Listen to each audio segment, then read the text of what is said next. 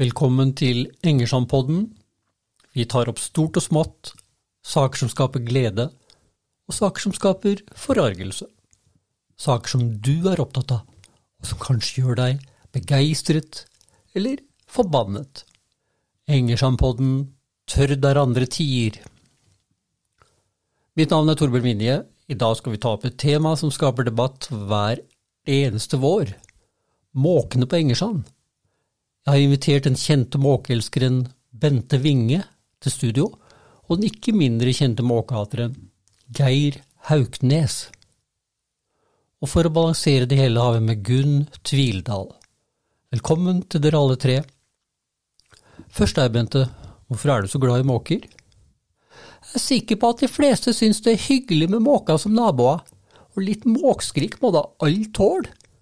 Vi bor jo i strandsonen, og måkene hører til her. Det er så trist at ikke alle er enige med meg. Og hva med deg, Geir? Hva er det som er så galt med måker? Det er ikke noe galt med måker, men det er galt at ungene bor på vårt tak. De skiter ned alt som er ute. Det er heller ikke respekt for privat eiendomsrett. Hvis vi ikke er hjemme, kommer de inn på vår veranda. Ja, det høres jo ikke helt bra ut. Uh, nå har vi fått slått fast posisjonen her, tror jeg vi kan si. Hva sier du, Gunn?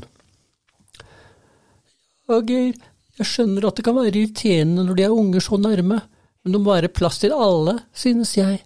Både mennesker, hunder, katter og fugler. Og så varer det jo bare en kort stund. Vi bor ved sjøen, vet du, og da er det naturlig med måker her. Vi kan sikkert sette inn noen tiltak, slik at alle blir fornøyde tenker nå jeg, da. Tilbake til deg, Bente. Har du flere synspunkter?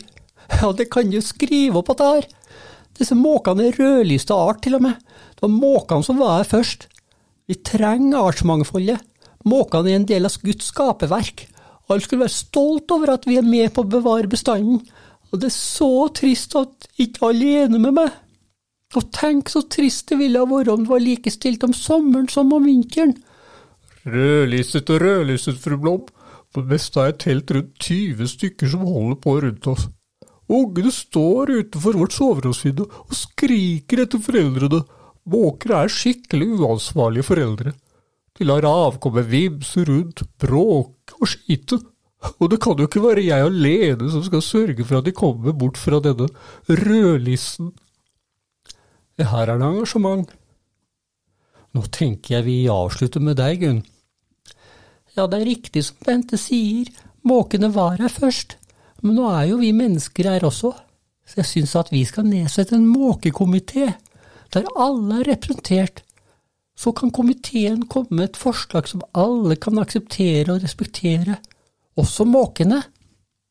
Kanskje de kan få et reservat på Gildhus, slik innvandrerne i Amerika gjorde med de innfødte. Da tenker jeg vi lar det være siste ordet. Takk for denne gang, og for at dere hørte på Engersandpodden med tema måker. Jeg heter Torbjørn Vinje. kommer gjerne med forslag til nye tema og gjester i studio. In the summertime, when the weather is high, you can stretch right up and touch the sky. When the weather's fine, you got women, you got women on your mind. Have a drink, have a drive, go out and see what you can find.